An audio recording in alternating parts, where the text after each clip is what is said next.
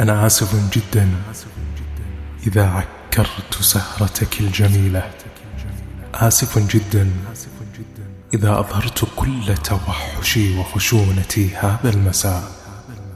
أنا آسف جدا إذا ما كنت أنطوي على نفسي ومكتئبا ومنسحقا ومكسور المشاعر كالإناء.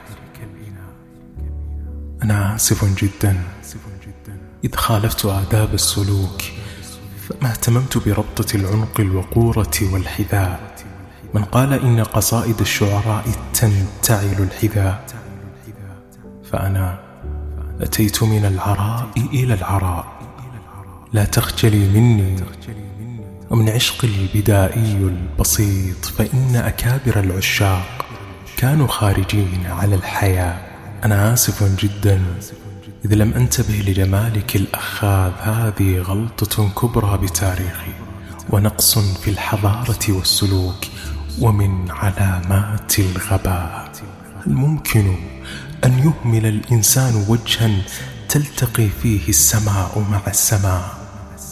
أنا آسف جدا لفرط جهالتي.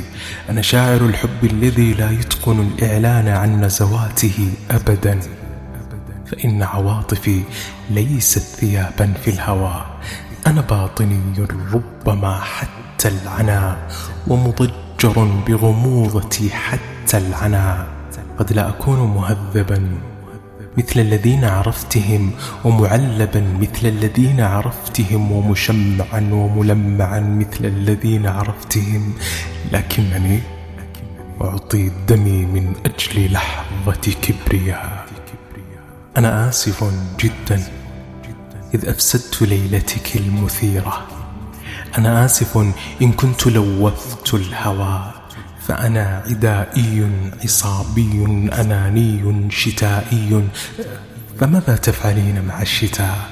أنت جميلة وصغيرة ومليئة بالطموح وبالرجاء فتحملي فوضايا. إني لم أكن عضوا قديما في نوادي الحاكمين ولا نوادي الأغنياء. لا تنظري لي هكذا. فكأنني من كوكب المريخ جئت وعصر رواد الفضاء. أنا ضائع بين العصور كمركب في البحر تقذفه الرياح كما تشاء. أنا آخر العشاق في زمن التلوث. أنا آخر الكلمات في زمن التعثر والغباء. والحب آخر طلقة في الرأس أطلقها فلا تمشي على بقعة دماء. عفوا. إذ لخبطت عطلة آخر الأسبوع أنا طبيعتي تأبى التصنع والرياء. أنا لست أعرف ما أحب ومن أحب فسامحيني. إن حملت حقيبتي وتركت معركة الخواتم والأساور والفراء أنا هكذا أنا هكذا. أمشي على قدمين من نار وماء.